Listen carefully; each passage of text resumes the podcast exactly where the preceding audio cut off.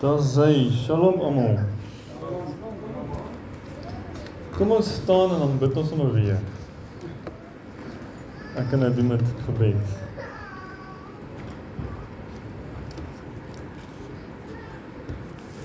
Ah, sê Hemelse Vader, ons kom staan vanaand voor U troon van genade. En ons dink aan die woorde van ons Here Jesus. Hy is die wynstok en ons is die lote.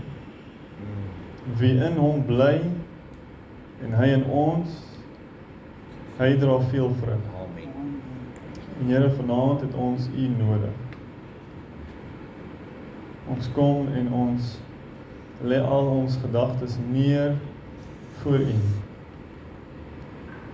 Ons kom en ons vra Here laat U Heilige Gees vloei deur ons. Ons kom en ons bring ons gedagtes gevange om te hoor wat U woord sê. Ons kom en ons bring ons gedagtes in gehoorsaamheid aan Christus. Ons emosies, ons wil, ons bring alles nou in gehoorsaamheid, in lyn. En ons vra Vader, U het gesê vir ons in Joël, U sal ons die leraar van geregtigheid gee. Amen. En ons vra vanaand, Heilige Gees, U wat ons leer aangaande alles oor Christus. Sal U kom en ons leer. Dat hierdie woorde is nie ver weg nie, maar is naby aan ons. Dis in ons hart en dis in ons mond om te bely. Sal U kom Vader en die engele stuur om ons openbaring te gee. Soos wat Gabriël gestuur was om vir Daniël openbaring te gee, vra ons stuur vir ons die engele van wysheid en kennis en vrees en die engele van die Here om ons te leer. Sodat ons weet wat aangaan in die koninkryk. En dat ons toegerus is kinders van die lig, kinders van die dag wat weet wat ons Vader doen en dat ons saam met U kan werk. Word verheerlik vanaand. Vader, in die naam van ons Here Jesus bid ons dit. Amen. Amen. Amen. Julle kan maar sit.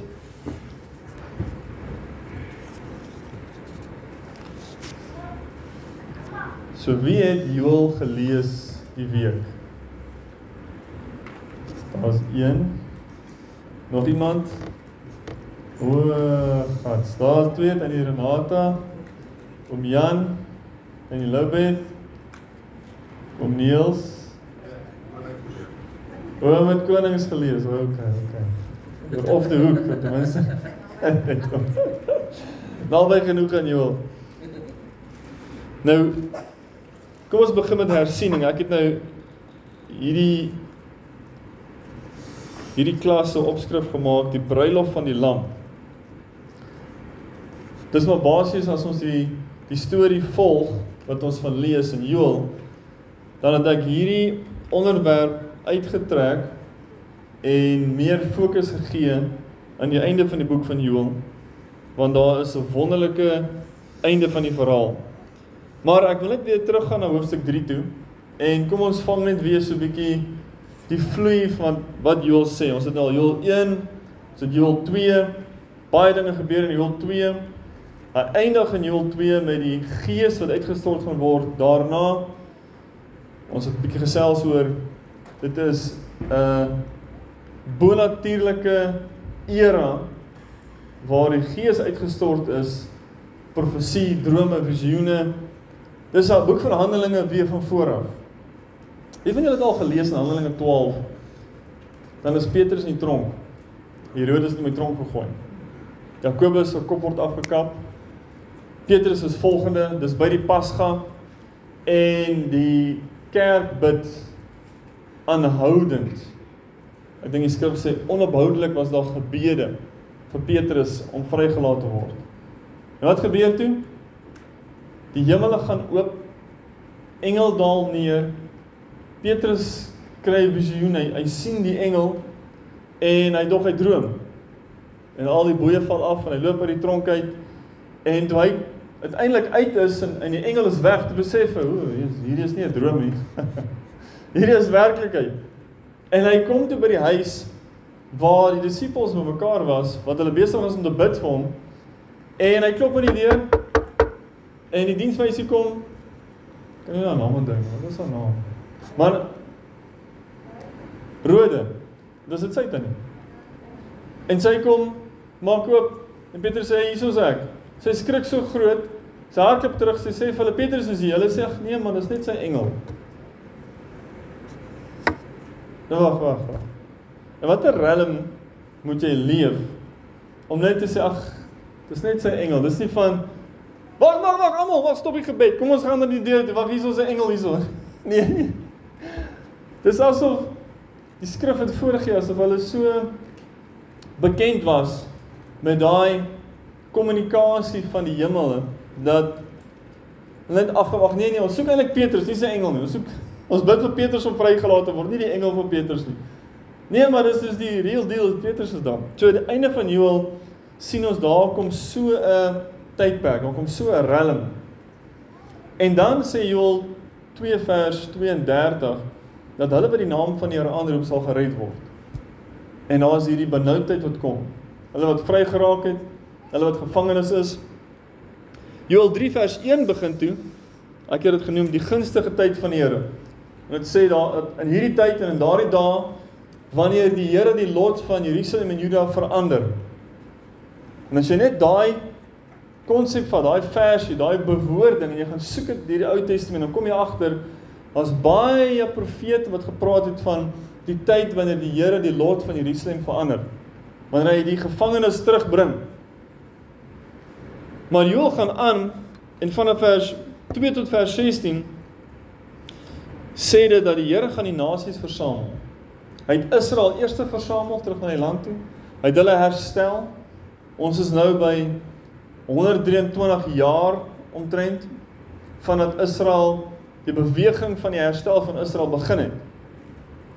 Kan jy jouself indink? Ons skryf 'n brief.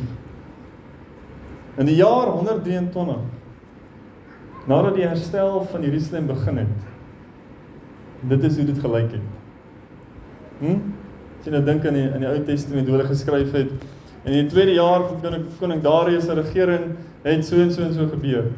Nou kan ons skryf en sê in die jaar 123 nadat die stigting van die beweging om Israel weer 'n tuiste te maak, het die nasies reg gekom.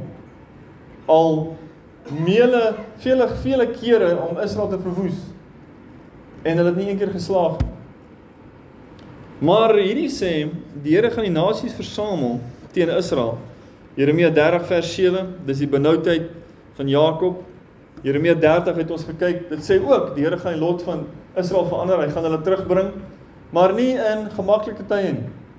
In tye van terrorisme, in tye van oorlog, in tye van benoudheid.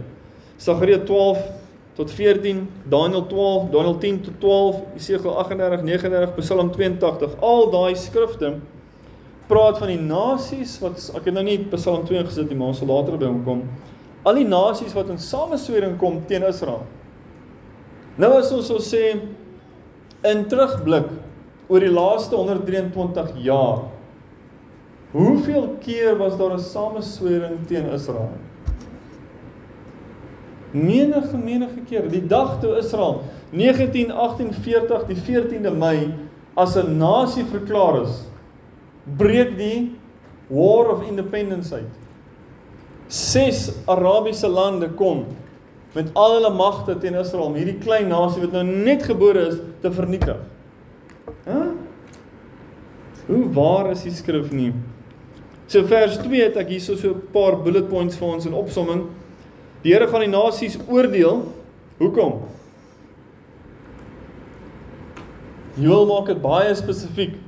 Die Here versamel die nasies om hulle te oordeel. En die rede hoekom hy hulle oordeel is die nasies het Israel verstrooi en het in hulle het die land verdeel. Dis wat ons nou sien. Dis die grootste agenda nou. Die two-state solution. Gaan Google dit. Two-state solution. Dan gaan sien jy hoeveel VN resolusies was daar was daar al gewees oor die land moet verdeel word, die land moet verdeel word. Wat wil hulle doen? Hulle wil Jerusalem in die oostelike en die westelike deel. Oostelike Jerusalem, hoofstad van die Palestynse onafhanklike staat. Dan wil hulle die westelike Jerusalem die die Joodse hoofstad maak, die hoofstad van Israel. En dan die Tempelberg is daar hierdie ongemak oor dat Israel, sommige gedeele van Israel sterk wat hulle noem die right wing, hulle wil 'n tempel hê. Hulle wil toegang hê om te aanbid daar.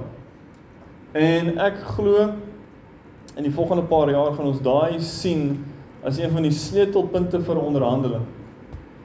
En Jordanië se koning Abdullah, hy het die kan ek sê seggingskap of die die die oorsienerskap van die Tempelberg. So elke keer as daar iets daar gebeur, dan is hy verskriklik ongelukkig. En hulle het 'n vredesooreenkoms met Israel en dan kom daai vredesooreenkoms heeltyd in gedrang. Ons verhouding word nou sleg en slegter. Vers 4 tot 7 sê vir ons Tyrus en Sidon dis nou lande of dis stede wat noord is van Israel in vandag se land Libanon. Tyrus en Sidon verwys na Hezbollah in die noorde en Filistea verwys na Hamas in die suide. Die Here sê hierdie twee areas wat het ek te doen met julle? Wat wil julle my vergelde? So interessant dat hierdie is 2600, miskien 2700 jaar terug geskryf. En hoe relevant is daai selfde woorde vandag weer? Israel se groot terroriste vyand Hezbollah in die noorde kruip weg. Baie missiele gemik op Israel in die suide het ons Hamas wat nou konstant probeer skiet. Die Here sê hy gaan hierdie areas oordeel vers 8. Die Here sal dieselfde doen aan Israel se vyande as wat hulle aan Israel gedoen het. Dan gaan kyk jy in die geskiedenis wat het Israel se vyande gedoen aan hulle? Dan doen die Here dit aan daai vyande. Kyk na Egipte, kyk na Assirië, kyk jy na Babilonië, dan kyk jy na Duitsland met Hitler. Al hierdie nasies bestaan nie meer as koninkryke nie. Hoe die Here hulle almal verwoes het en vernietig het. Vers 9 tot 14 Die konflik tussen duisternis en lig bereik die klimaks van die eeue met 'n groot versameling van die nasies se magte onder die leiding van die anti-kris teen Israel en die God van Israel. Daar het ek nou Psalm 2 ingesit. As jy Psalm 2 gaan lees, dit 12 verse, dan kom jy agter die Here sê hoekom woed die nasies en beplan die konings van die aarde al hierdie boosheid teen God en teen sy gesalfde. En dink jy wag maar. Psalm 2 sê vir jou baie duidelik. Daar's 'n conspiracy. Hy is nogal 'n baie kontroversiële woord deesdae. Conspiracy. Wat is dit? Ouens agter toe deure wat beplan en dinge te doen met 'n agenda.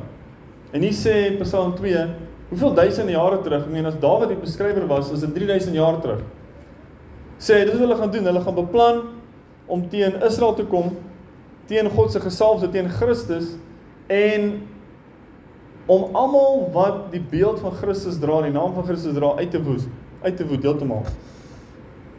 Nou ek weet nie of julle gesien het in die nuus nie, maar ek het net so kort dingetjie gesien.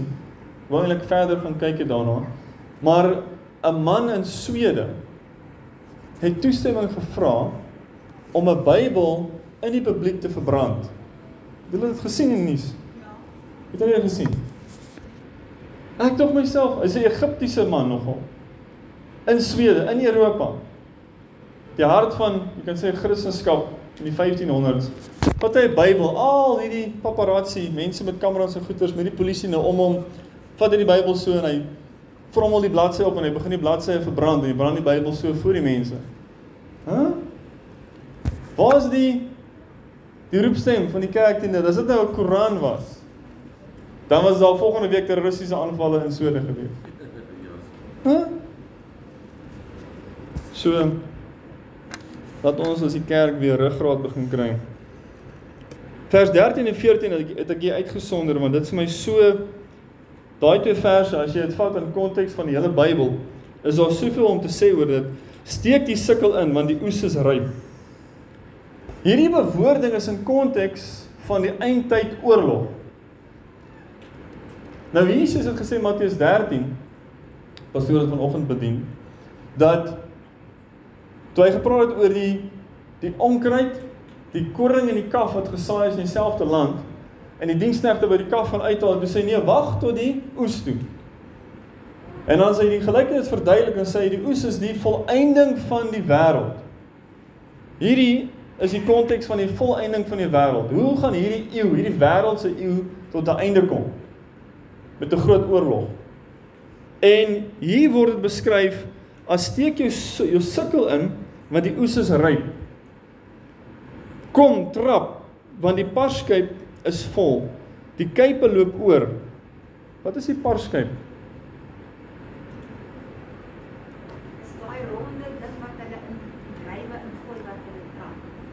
Hoekom sal hy nou hier die sukkel is te doen met soos 'n koringoes? Sekel.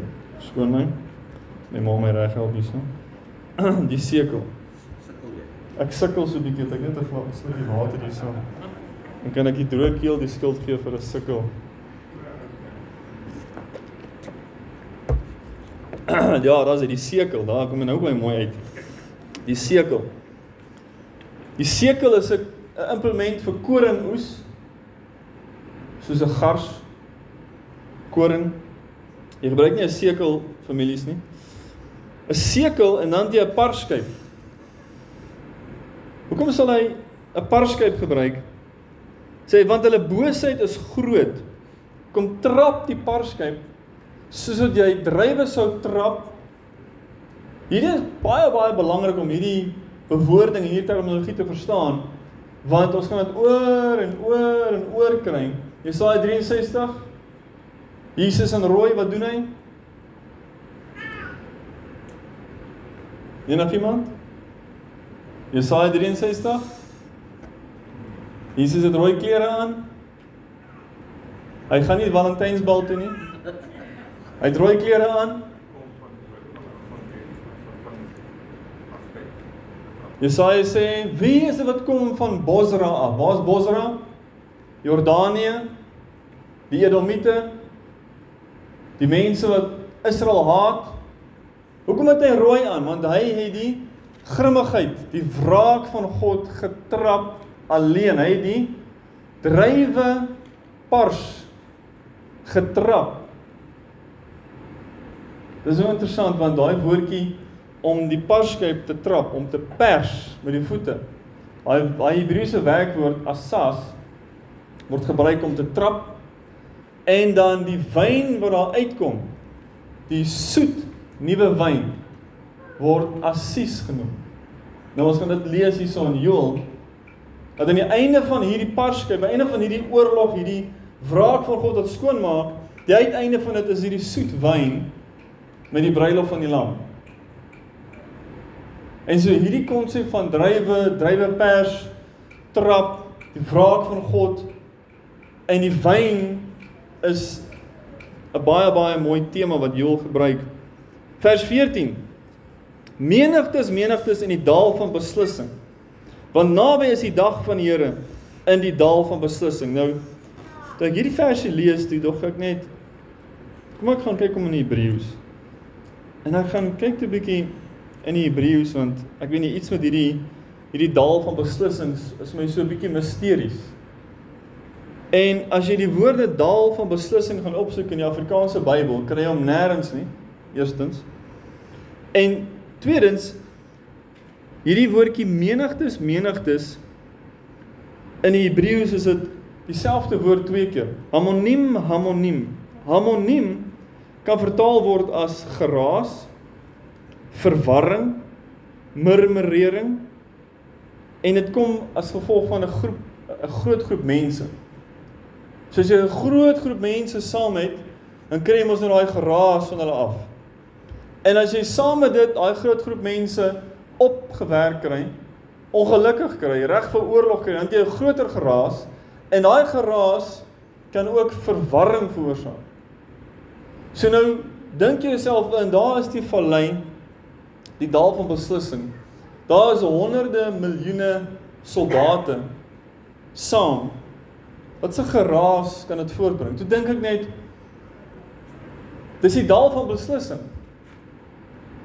Wat wat is hier die groot kwessie? Wat is die groot belangrike ding in hierdie dal van beslissing? Jy moet 'n besluit maak. Maar jou besluit gaan beïnvloed word deur hierdie harmoniem, harmoniem, hierdie geraas, hierdie menigtes. Die opswepery.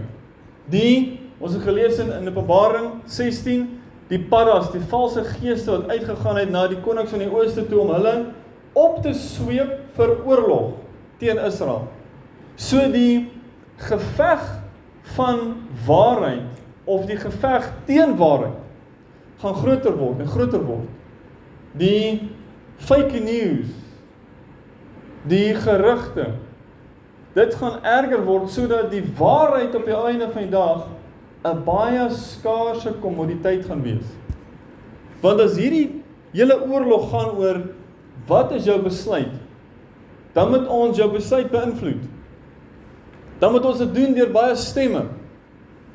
Dan moet ons dit doen deur menigtes in die dal van beslissing. Toe gaan kyk ek na hierdie woordjie dal van beslissing. Dit dog ek nee, hierdie is ook 'n interessante woord. So die woord beslissing is garoets in die Hebreëus. Dit kan vertaal word as skerp, ywer, maal instrument en streng besluit, 'n skerp besluit. Dis die die wortel van hierdie woord is 'n implement wat hulle gebruik het om mee te te maal. So as jy dink aan toe hulle die koring geoes het, dan hulle dit op die dorsvloer gesit. Dan hulle hierdie lekker maar soos 'n houtdeur wat hulle met 'n tou vasgemaak het aan die os en dan daai os geloop en dan daai houtdeur op die grond die koring geskuur om daai doppies af te haal van die koring af.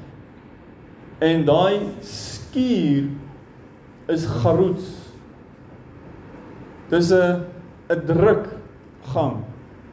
Dis 'n moeilike dal. Dis die dal van beslissing is 'n tydperk van druk om voort te bring dit wat binne in die hart is.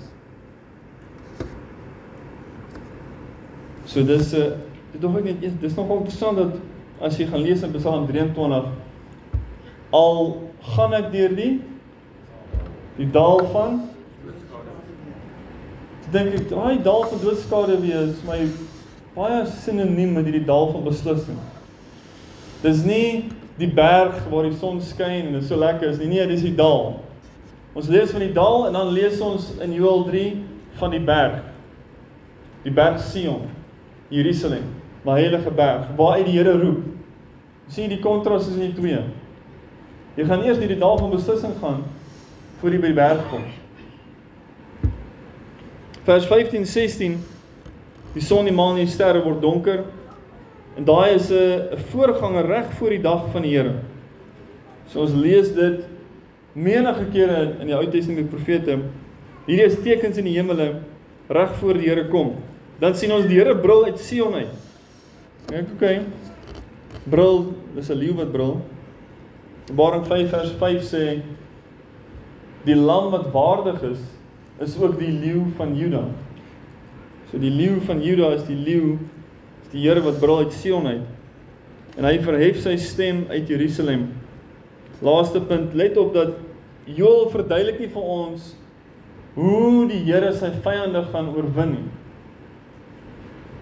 Jy lees van die, hy brul, hy verhef sy stem en dan is dit verby. So Joël gee nie vir ons meer inligting nie, maar die ander profete gee vir ons meer inligting. Ander profete die see gepraat van 'n aardbewing. In Openbaring lees ons van die haal wat afkom. Ons lees van die Here kom uit die hemel uit en uit sy mond het gaan 'n tweesnydende swaard.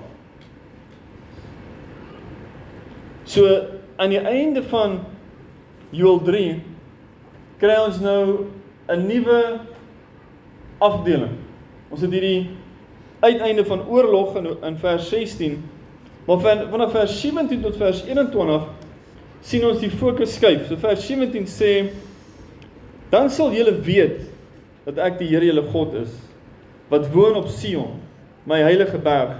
Dan sal Jerusalem 'n heiligdom wees waar geen vreemdes meer deur sal trek nie. So ons het vanaf vers 2 tot 16 geweldige oorlog, die menigtes wat gaan kom, die dae van beslissing, die Here vernietig hulle en dan sê die Here in vers 17, dan sal julle weet dat ek die Here julle God is. Nou hierdie was my so interessant want as jy net daai stukkie vat, daai een stelling, jy gaan kyk om deur in die Ou Testament dan kom jy agter hoeveel keer die Here dinge doen en dan sê hy hierdie doen ek sodat julle sal weet dat ek die Here is. En gewoonlik is dit in konteks met die Here wat die nasies oordeel. Die Here oordeel Egipte en hy stuur Moses en na Moses die plaag aankondig, dan sê hy sodat jy Farao mag weet dat die Here in Egipte is. Sodat jy Farao mag weet dat die Here saam met Israel is sodat jy Vader mag weet dat die Here alleen God is. En hier kom die Here aan die heel einde en hy sê hy doen hierdie sodat ons sal weet wie hy is. Nou Sagaria 12 vers 9 tot 10 is 'n ooreenstemmende stuk in die Bybel. En dit sê vir ons vers 9 ook sal ek in die dag daarna soek om al die nasies wat teen Jerusalem aankom te verdelg. OK. Dis 'n soortgelyke konteks as Joel 3. Al die nasies kom teen Israel. Die Here sê ek gaan hulle verdelg.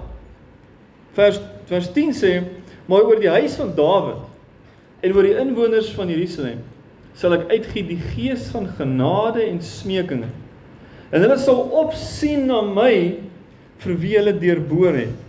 En hulle sal hulle sal oor hom rou klaag soos 'n mens rou klaag oor 'n enigste seun en bitterlik oor hom ween soos 'n mens bitterlik ween oor 'n eersgebore kind. Hulle geweet daar is in die Bybel. Sagaria 12 vers 10 dat na die Here die nasies vernietig wat teen Israel gekom het in daai selfde tyd maak hy Israel se oë oop deur die gees van genade en smekinge en hulle sien hom wie hulle deurboor het. Kan jy imagine? Nou moet jy weet, na 2000 jaar van verwerping en verharding teen Christus op daai oomblik in verskriklike nood want Sagaria sê ook vir ons helfte van die stad gaan in ballingskappe. Dit gaan oorlog wees. 2/3 van die volk word uitgemoor. So in daai verskriklike tyd kom die Here terug en hy sê nee, ek gaan my voet neersit daar op jou lyfberg. Ek gaan die vyande van Israel vernietig en ek gaan vir Israel wys wie ek is. Dan kom die woorde van Romeine 11:26 tot vervulling. Want hy sê daarso en almal van Israel sal gered word. En Paulus kom en hy sê as die tydelike verharding van Israel die verlossing van die nasies is, hoeveel te meer hulle wat tot bekering kom, soos die dooie wat lewendig word op daai dag sê die Here dan sal julle weet dat ek die Here julle God is. Kom ons blaai na bladsy 2 toe. Romeine 11 25 26. Romeine 11 is die Paulus se verduideliking van die olyfboom. In Esegiel kom die stelling: "Julle sal weet of die nasies sal weet dat ek die Here julle God is van hoofstuk 5 tot 39 72 keer voor in Jesegiel. So hy's 'n profeet in ballingskap en die Here is besig om hierdie ding oor en oor te herhaal. Al hierdie dinge gebeur sodat julle Israel en die nasies sal weet dat ek die Here is, julle God. Hæ? Huh? En aan die einde kom hy en hy sê, Here sê ek sal julle terugbring na die land toe. Nie vir julle ontwil nie, nie vir julle naams ontwil nie, maar vir my naam.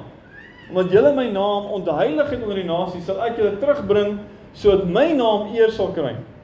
Want ek word genoem oor julle, die God van Israel. So ek net terug gaan kyk of ek ietsie gemis het hier. So die oorlog eindig met die Here wat homself openbaar as die God van Israel, die Messias. En nou moet ons net net vir 'n oomblik dink. Jesus kom terug as as wat? As net die Messias? As net die God van die wêreld? As net die God van Israel? Wat is die wat is die hoofeienskap wat Jesus uitken en waarvoor hy terugkom? So hy bruidegom. Bruidegom. Hy's 'n man wat sy vrou soek. Kan jy nou jouself indink hoekom die Here soveel wraak gaan uitgiet? Hy het sy bloed gegee vir sy vrou, vir sy mense. En nou word sy mense verdruk en hulle roep uit. En net soos wat gebeur het met Egipte, die Here daal neer en hy sê vir Moses, ek het neergedaal om te hoor die geroepstem van die mense om te kom kyk wat die Egiptenare gedoen het aan hulle. Nou kom die Here weer terug. Maar die keer nie net om Egipte te besoek nie, maar al die nasies wat sy mense aan skade gedoen het. En hy kom terug as 'n bruidegom vol jaloesheid. Hy kom terug as die koning van die heelal en hy kom terug as die regter om te oordeel. Nou wanneer die oordeel klaar is van die nasies, dan begin daar 'n nuwe era. En daai nuwe era van die aarde begin as die die koninkryk van die hemel wat die koninkryk van hierdie aarde geword het. Daniël 2 sê dit so mooi. Jy laai stuk gelees van die standbeeld. Ja. En dan slaan die die die rots die voete. En dan sê dit hierdie rots word 'n groot berg En die koninkryk van die nasies word die koninkryk van ons Here, sê Daniël 2. Nou hierdie koninkryk word begin met 'n groot fees. Dit word genoem in Engels the Messianic Banquet. Ek gou van daai is baie mooi Engels, banquet. Die messiaanse fees, as ek dit in Afrikaans wil sit, of die bruilof van die lam. Kom ons kyk na vers 18. En dit sê en op die dag sal die berge drup van mos. Nou toe ek daai woordjie mos sien in die Afrikaans, dog ek is dit nou daai groen goeters wat so groei op die klippe. Mos.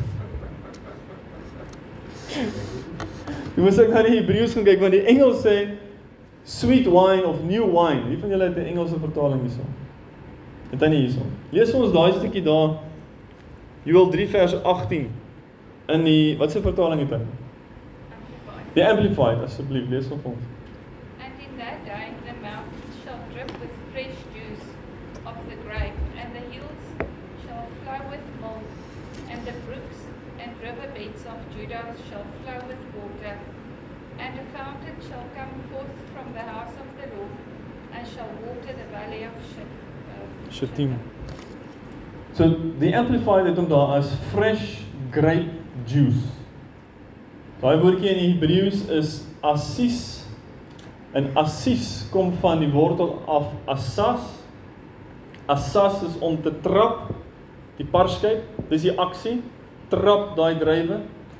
Die sap wat uitkom is dan hierdie vars drywe sap wat dan in ander plekke geskryf word as ou wyn word dit beskryf, nuwe wyn word dit beskryf, soet wyn word dit beskryf. Nou, ewe skielik kan jy sien skuif die konteks na die Here homself openbaar het, sy vyande oorwin het, sê dat die berge sal drup van soet wyn en die heuwels vloei van melk. Nou is die vraag, Joel, as jy net nou baie poeties hierso of of sien jy en sê jy Die profeet sien die berge loop van druiwesap, van wyn. Die heuwels vloei met met melk. Wat sê hy verder? Hy sê volgende: Die spruitjies van Juda stroom van water en uit die huis van die Here. Wat is dit? Wat is die huis van die Here? Tempel. Jy sien tempel daar in Jerusalem. En hy sê daar uitvloei 'n fontein om die dal Sitim te besproei. So, ek het hierdie genoem dis die fees van die Messias. Jy sien die groot eindtyd fees, oorvloedige wyn, soet wyn. Dit is die bruilof van die lam. Wie van julle het al die onderwerp die bruilof van die lam gaan studeer in die Ou Testament? Nog nie. Weet julle hoeveel is daar geskryf van dit? Wie van julle het al hoogliedere gelees? Hoogliedere is vol van die bruid en die bruidegom se liefde in die beskrywing. En wie van julle het al Jesaja gelees 25? Hè? Diep diep, kom ons gaan daarin gaan. Ons gaan daarin gaan. En hier is ook 'n vervulling van die belofte van Israel die Egipte dat hulle vat na 'n land van melk en honing, Kanaan. Amen. Selfde belofte, selfde oorvloed seën, guns. Yes. Yes. Dis die land waar my teenwoordigheid is. So ons ons begin by die fisiese en dit vloei na die geestelike toe. As ons net vashak by die fisiese, dan gaan dit nooit vir ons 'n werklikheid word in ons verhouding nie. So ek het hier geskryf net dat baie Ou Testamentiese profete het geprofeteer oor hierdie groot fees. Ek het net 'n paar hier genoem. Daar's nog baie baie meer. Jesaja. Jesaja 24, hoofstuk 24 tot hoofstuk 27. As jy daai vier hoofstukke vat en jy moet hom in hakkies sit. Hoekom? Want Jesaja 24 begin oor hierdie groot oorlog. Die Here kom om te oordeel. Hy oordeel die nasies. Hy verwoes die nasies. Jesaja 25 begin met alles wat hoog en verhewe is, hierdie tiranne, hierdie groot volke en nasies wat indrukwekkend is, bring die Here neer en hy breek hulle. En dan sê dit, dis die eerste 5 verse van Jesaja 25. Jesaja 6 25 vers 6 tot 10 sê en die Here van die leerskare sal op hierdie berg vir al die volke berei 'n maaltyd van vetspyse. 'n Maaltyd van ou wyn, van vetspyse vol murg, van gesuiwerde ou wyn. Wat 'n maaltyd is hierdie? Waar op aarde kry jy hierdie goed Jesaja? Hæ? Huh? Praat van 'n braai van al die eeue. Hoekom 'n groot feesmaal in Jerusalem? vir nie net Israel nie, maar vir al die nasies. Wel wel, ons 'n bietjie teruggaan, Jesaja 2 het hy geprofeteer en gesê al die nasies stroom op na die huis van die Here toe. En hulle sê, laat ons opgaan na die huis van Jakob toe, na die God van Israel, dat hy ons sy weë leer. Né? Nee? Laat ons al ons swaarde indruk en ons spiese en hulle word implemente van landbou. En daar's geen meer oorlog nie. So Jesaja het daar in die begin dit genoem, maar hier in Jesaja 25 begin hy nou eers skielik vir ons meer besonderhede gee. OK, so daar's hierdie groot maaltyd. Ons noem dit 'n fees. Met wyn. Baie ou wyn. Baie interessant. OK. Hou dit in jou gedagtes. 'n Fees wat oorloop van wyn vers 7. En hy sal op hierdie berg, hy die Here, sal op hierdie berg Jerusalem vernietig die uitgespreide sluier wat al die volke omsluier en die omhulsel waarmee al die nasies bedek is. Wow. Wat is dit, julle? Wat 'n ding omsluier en bedek al die nasies en die ding moet vernietig word. En net die Here kan hom vernietig. Voorhangsel, ons het daarso vir my Bybelversie. Enig iemand anderste?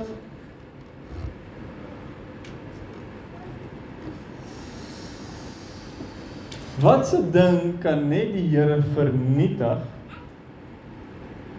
wat almal vir die duiwel, jy hom nie pak so. Is dit nie die vlees nie, hè? Die sondige natuur wat almal bedek, wat almal blind maak, wat almal skei van die Here af.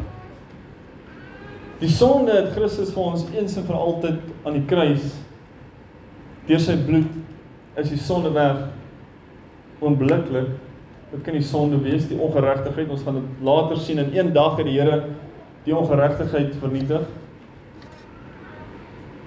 OK, so al die nasies word uitgenooi na hierdie feesmaal, maar al die nasies het hierdie sluier, hierdie omhulsel wat hulle moet verlos word van. Vers 8 sê hy sal die dood vir ewig vernietig.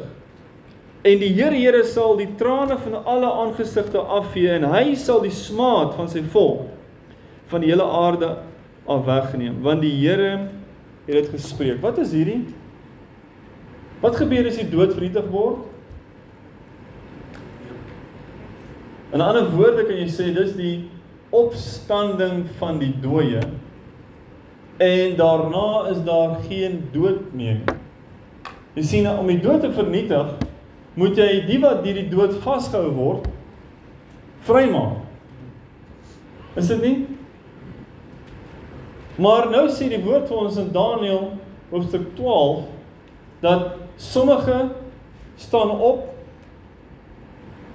vir die ewige verderf en sommige staan op vir ewige lewe. So die wat die dood oorwin is hulle wat ewige lewe kry. So in 3 versies het ons die bruilof van die lam vers 6 die maaltyd vir almal vol wyn vet spyse vers 7 het ons hierdie sluier hierdie vlees die sondige natuur die ongeregtigheid wat gebreek word deur die Here vers 8 het ons die oorwinning van die dood die opstanding van die dooies. Drie versies. Jesaja 25 vers 9 sê En hulle sal in die dag sê, kyk, dit is ons God op wie ons gewag het. Dat hy ons kan verlos. Dit is die Here op wie ons gewag het. Laat ons juig en bly wees oor sy hulp. Wow, daar's die partytjie. Dis die feesviering. Die feesviering van alle feesvierings. Die dood is oorwin, die bruilof van Lam het gekom. Die sonde is vernietig. Vers 10: Want die hand van die Here sal rus op hierdie berg Maar Moab sal vertrap word op sy plek soos strooi vertrap word in die water van 'n miskuil. Amazing, hè? Vers Hoofstuk 9 vers 14 Amos. Amos kom en hy sê kyk, die dae kom spreek die Here dat die ploer die maaier inhaal en die drywe trapper die saad wat dit die saad saai en dat die berge van mos sal drup van hierdie soet wyn, hierdie druiwe sap en al die heuwels daarvan oorvloei sal word. So. OK. Ek wil net so 'n bietjie fokus op hierdie hierdie wyn en 'n paar gedagtes deurtrek van 'n fisiese fees. Daar gaan 'n fisiese fees wees. 'n letterlike een. Ek hou nie van die woordjie letterlik nie, want almal dink as jy sê letterlik dan moet dit figuurlik teenoorgestelde nee, dit dit gaan so wees. The real deal. Hoogliedere 1 vers 2 en daar's 'n paar skrifte in Hoogliedere wat jy kan na kyk. Sê laat hy my kus met kusse van sy mond want die liefde is kosliker as wyn. Die drink van wyn in 'n sinnebeeld met die liefkosing van die Here. Hm? Soos hy my liefhet, is dit soos die drink van wyn. Sy liefde bedwelm my. Sy liefde oorweldig my. Johannes 2 vers 9 tot 11. Kan julle onthou die bruilof by Kana? En dan kom Johannes die skrywer En hy sê hierdie was die eerste van die tekens van Jesus. Wat het Jesus gedoen? Ah. Nie net water in wyn verander nie. Jesus het opgetree as die bruidegom wat oorvloedige wyn verskaf by 'n trou. En dan sê hy vir sy moeder: "My uur het nog nie gekom nie." Wag nou, wag nou. Ons dink aan die uur van die kruisiging. Jesus kom en hy praat van die uur wat ek soet wyn verskaf. Die uur wat ek optree as bruidegom. Wanneer tree jy op as bruidegom? Wanneer jy trou? Hæ? Huh? Dis dit soos wag Johannes, jy jy gaan nou boor ons koppies aan. Hoekom sal jy nou dit skryf Johannes? Hoekom sal jy nou in jou hele evangelie waar jy Jesus nou aan ons bekendstel, hom bekendstel as die tweede Moses? Moses se eerste wonderwerk in Egipte was die water het in bloed verander. Moses kom as die redder en hy kom doen hierdie wonderwerk. Nou kom Johannes en hy parallel Jesus met Moses en hy sê hierdie was Jesus se eerste teken. Nie die dooie opgewek nie. Nie die malaatse gereinig nie. Nie op die see geloop nie. Hy het baie wyn verskaf. Hy's die een. Hy's die Jesaja 25 een. Hy is die hoogliedere een. Hy is die een wat die wyn van lewe kan gee. Kom ons kyk na Johannes 6:55. 54 en 55 hier nou kyk. Jesus kom na 'n hele hoofstuk praat hy oor sy liggaam as spys, sy bloed as drank. Hulle wat van my vlees eet en van my bloed drink, hulle bly in my en ek in hulle en hulle sal nooit sterf nie. En ek o, o, wag, wag, wag. Jesaja 25 sê fees op Jerusalem. Al die nasies word genooi. Vetgemaakte spys, druiwesap, wyn. Dis 'n fees van eet van vleis en drink van wyn en dit gaan alles dit gaan die klimaks wees van van die eeue en van die bestaan van die mensdom. Nou kom Jesus en hy sê ek is die spys. Daar's geen hoër plesier as om een te word met my. Hm? En dan sê hy hierdie een word met my is net beskore vir hulle wat my met alles gryp. Dink jy? Sjoe. OK. Ons het nou nagmaal gehad hier vanoggend. Maar die nagmaal is eintlik die eet van Jesus se liggaam en die drink van sy bloed. Dis eintlik geestelike kos. En daarom sê die Here, doen dit so dikwels as wat julle bymekaar kom. Eet my. Drink my. As dit soos Here ons ons het nie eintlik 'n uh, weet ek dink aan non comprendo het Here ons het openbaring nodig van hierdie dat hierdie is u vlees en u bloed. Hierdie is geestelike spys. Hierdie is hoogliedere se soet wyn. Die wyn van die teenwoordigheid, die wyn van intimiteit. Dat as ons Jesus begin geniet en ons verhouding met hom lekker word, sal die plesier wat uit ons verhouding met hom kom, soveel groter wees as enigiets wat die wêreld ons ooit kan bied. En dan word ons bedwelm om hom te ken.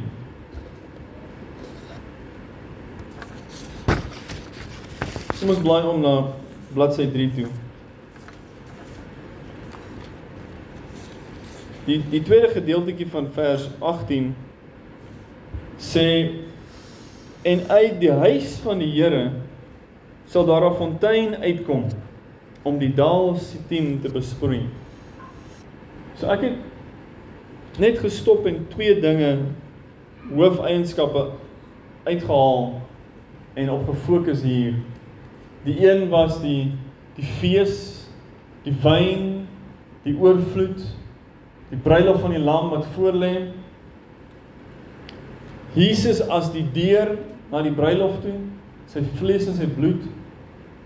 Iets wat ons as ons dink byvoorbeeld aan Smith Wigglesworth. Jy al gehoor van hom? Ja.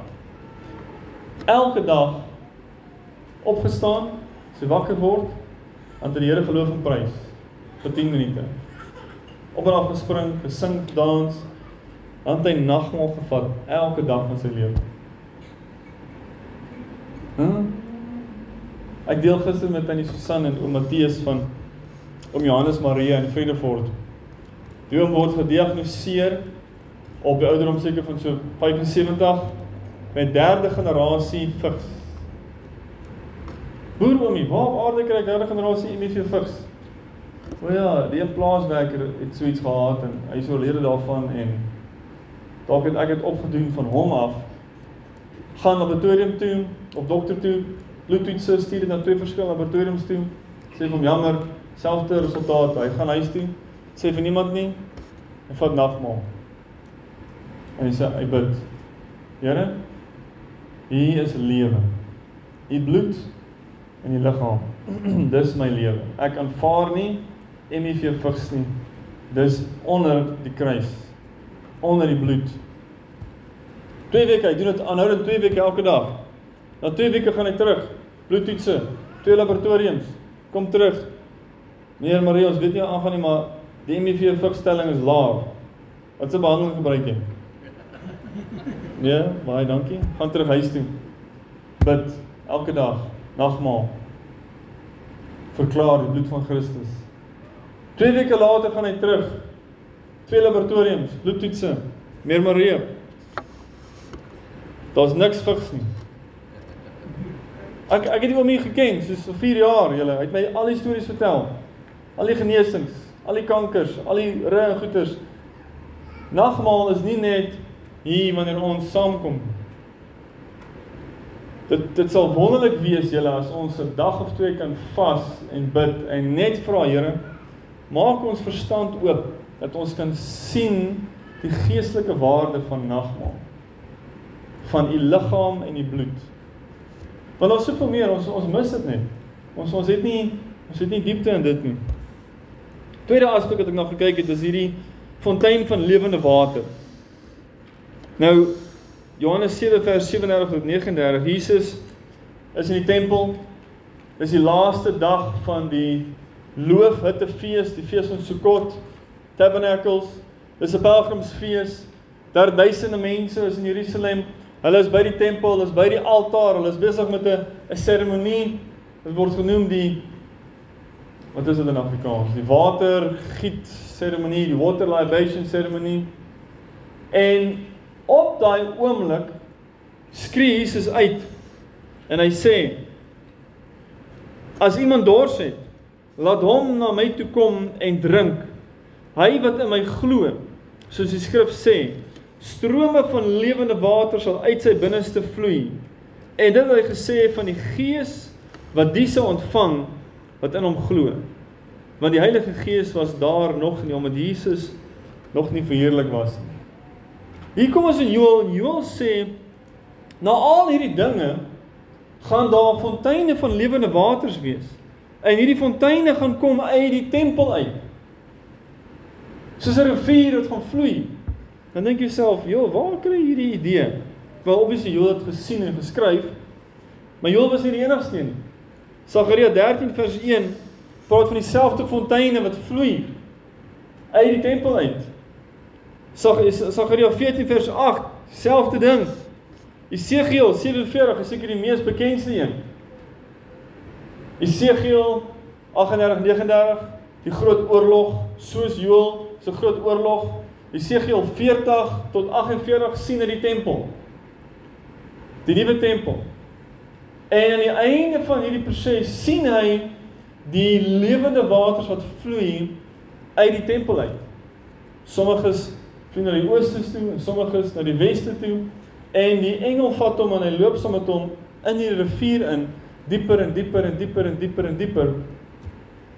Dan spring ons vorentoe by Openbaring 22 vers 1 sien Johannes dieselfde ding. Uit die tempel uit vloei 'n rivier van lewe. En aan die kante is daar bome wat elke maand vrugte dra en die blare is vir die genesing van die nasies. Nou ek is nie 'n new ager nie. Maar ek sê julle hierdie is nie net wat ons sal sê 'n geestelike ding. hierdie gaan net so gebeur. Dis my waarneming daarvan. Dat daar sal lewende water vloei en wanneer jy ek het al 'n paar goed gelees van water in 'n boek van Graham Said het hy 'n onderhoud gevoer. Die boek se titel is Nutrition Rules in 2000 geskryf. En hy het 'n onderhoud gevoer met 'n man wat navorsing gedoen het oor waterkwaliteit. En hy het op 'n waterbron afgekom dat wanneer jy daai water drink, verleng dit jou lewe. Deurdat water is nie net water nie. Baie baie baie eienskappe beïnvloed die kwaliteit van water. So jy beter waterkwaliteit het, het jy minder van dit nodig en dit hou jou langer. En hierdie ou het hierdie waterbron ontdek en gaan kyk na wat is die eienskappe van hierdie water en sy gevolgtrekking is as jy hierdie water sou drink elke dag van jou lewe dan sal dit jou selletjies voed dat jy nooit sal sterf nie. aan 'n kanker of 'n hartaanval of veroudering of jou selle hernie hulle self. Uit die tempel uit gaan daar water vloei. Ons noem dit die rivier van lewe. En die effek van daai rivier op die bome is hulle sal elke maand kan vrugte dra. Nou nou moet jy sê nee. Macadamias dra een keer 'n jaar meter. Sitrus dra een keer 'n jaar vrugte. Om 'n boom te hê wat elke maand kan vrug dra, moet jy iets aan daai boom se stelsel doen.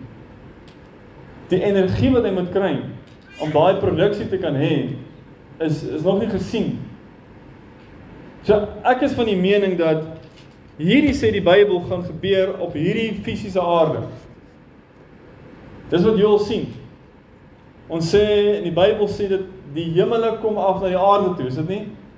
Jesus kom waar regeer? Op die aarde. Waar gaan sy hoofstad wees? Jerusalem. Waar gaan ek en jy wees? Dis nou waar ek met die antwoord dis.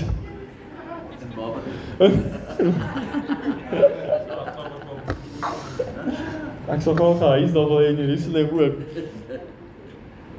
Jesus kom by die Samaritaanse vrou hoofstuk 4 van Johannes vers 10. En hy sê vir haar as jy weet met wie jy praat, sê jy my gevra het vir water. Hæ? Jesus praat daar van die geestelike water. Die Heilige Gees. Maar daar's net so 'n fisiese water. Nou as mense daai fisiese water sou drink en dit sou hulle liggame voed, dan dink ek ons is baie keer so beperk in ons opinie. Ons dink die Here gaan ons net geestelik laat voed dat ons geestelik sal leef vir altyd. Maar ons kry 'n nuwe liggaam in die opstanding. Hierdie liggaam word oorklee met 'n onverganklike liggaam. En ek dink wag, die Here het nie die die, die natuurlike riem verander nie. Daai liggaam word gevoed deur lewende water. Die voeding wat daai liggaam sal onderhou is net so so werklik. Ons gaan hier wees vir 1000 jaar. En ons gaan eet en ons gaan drink. Die son gaan skyn en gaan die son afgaan. Dan gaan die son weer skyn en gaan die son afgaan. Ek wil dit so sê om julle gedagtes te stimuleer om te dink aan die werklikheid van die woord. Baie keer dan haak ons vas want ons dink wolkies en harpies en ons weet nie verder wat daar gaan gebeur nie. Maar Jesus kom terug na hierdie wêreld toe. Het jy al gedink aan wanneer Jesus terugkom? Hoe dit gaan wees? Het jy al daaraan gedink? Gaan die wifi en die internet nou weggaan? Gaan ons teruggaan na die Stone Age toe en dan gaan nie meer vliegtye wees en ons gaan kar, van die karre en ons gaan donkies hê? Nee nee, ek, ek wil dit ek vra die vraag, het jy al daaraan gedink?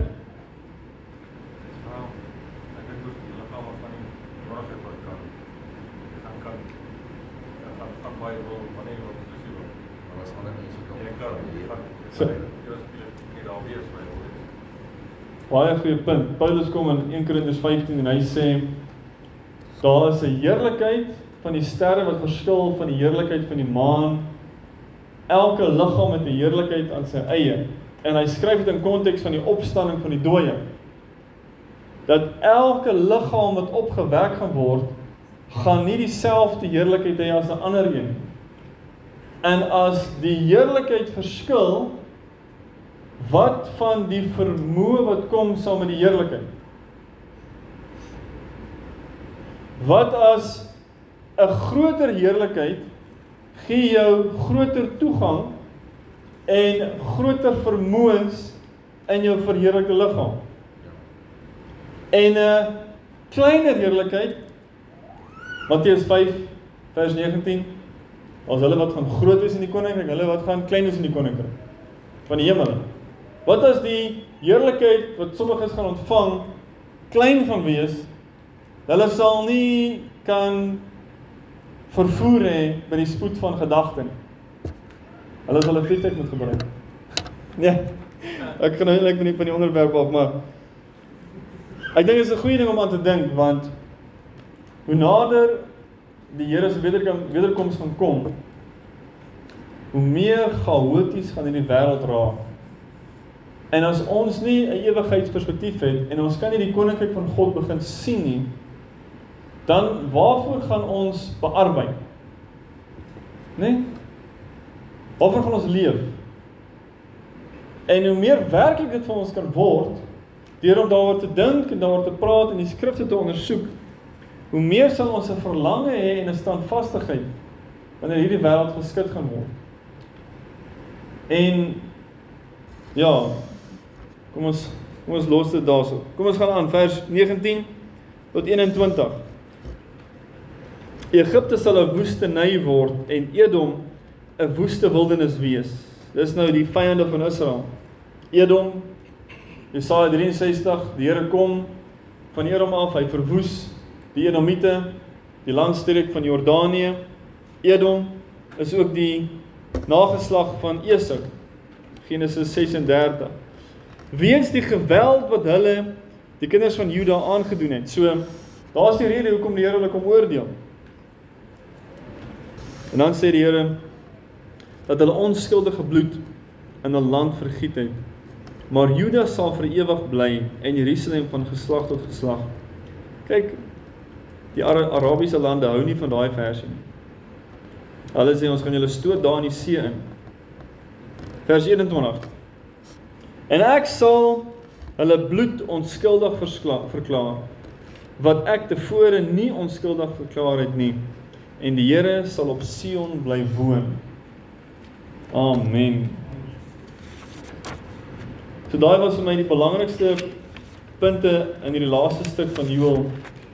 Die bruilof van die lam, die lewende water en dis nie net iets wat ons voor kan verlang nie, maar dis iets wat ons nou kan proe. Dis iets wat ons nou voor kan bearbei. Dis iets wat ons nou deur die voorhangsel kan ingaan in die allerheiligste in. Om Jesus te ken intiem is soos om met die wyn omgang te hê. Johannes 15 kom Jesus nie vir niks en sê dat hy is die wynstok. Jy het ooit daaraan gedink hoekom sou Jesus kom en die wynstok gebruik as 'n voorbeeld? Want dit is geprofeteer dat hy die een gaan wees wat die wyn verskaf.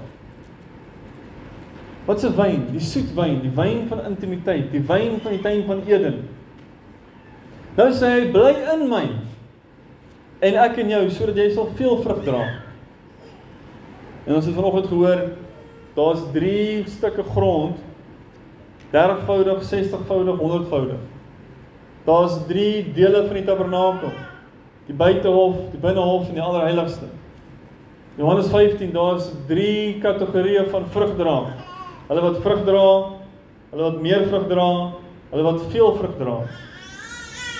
Hulle wat vrug dra bly af en toe in Christus, is gekonnekteer, dan is hulle nie, dan is hulle gekonnekteer. Hulle wat meer vrug dra, ondergaan deur dissipline. Jy word gesnoei. Die Here sê nee, los hierdie ding, los daai ding. Vereenvoudig jou lewe. Fokus op my, meer tyd saam met my. Hulle wat in my bly konstant, Johannes 15:5, hulle dra veel vrug. Vers 8 en hulle verheerlik die Vader. En dan wat ook al julle vra in my naam, dit sal ek julle gee. En dis waar ons wil wees, maar dis moeilik want ons het nie 'n baie goeie voorbeeld, ons is baie onduidelik hoe lyk dit in my lewe? Waar is ek? Is ek by 30, is ek by 60 of is ek by 100? Hoe lyk 'n 100? En as ek daai ding duideliker kan sien, dan kan ek meer daarvoor hardloop. Né? Nee? Om 'n 100voudige vrug te dra. Ons het nou lekker baie tyd, ons kan nou lekker saam bid.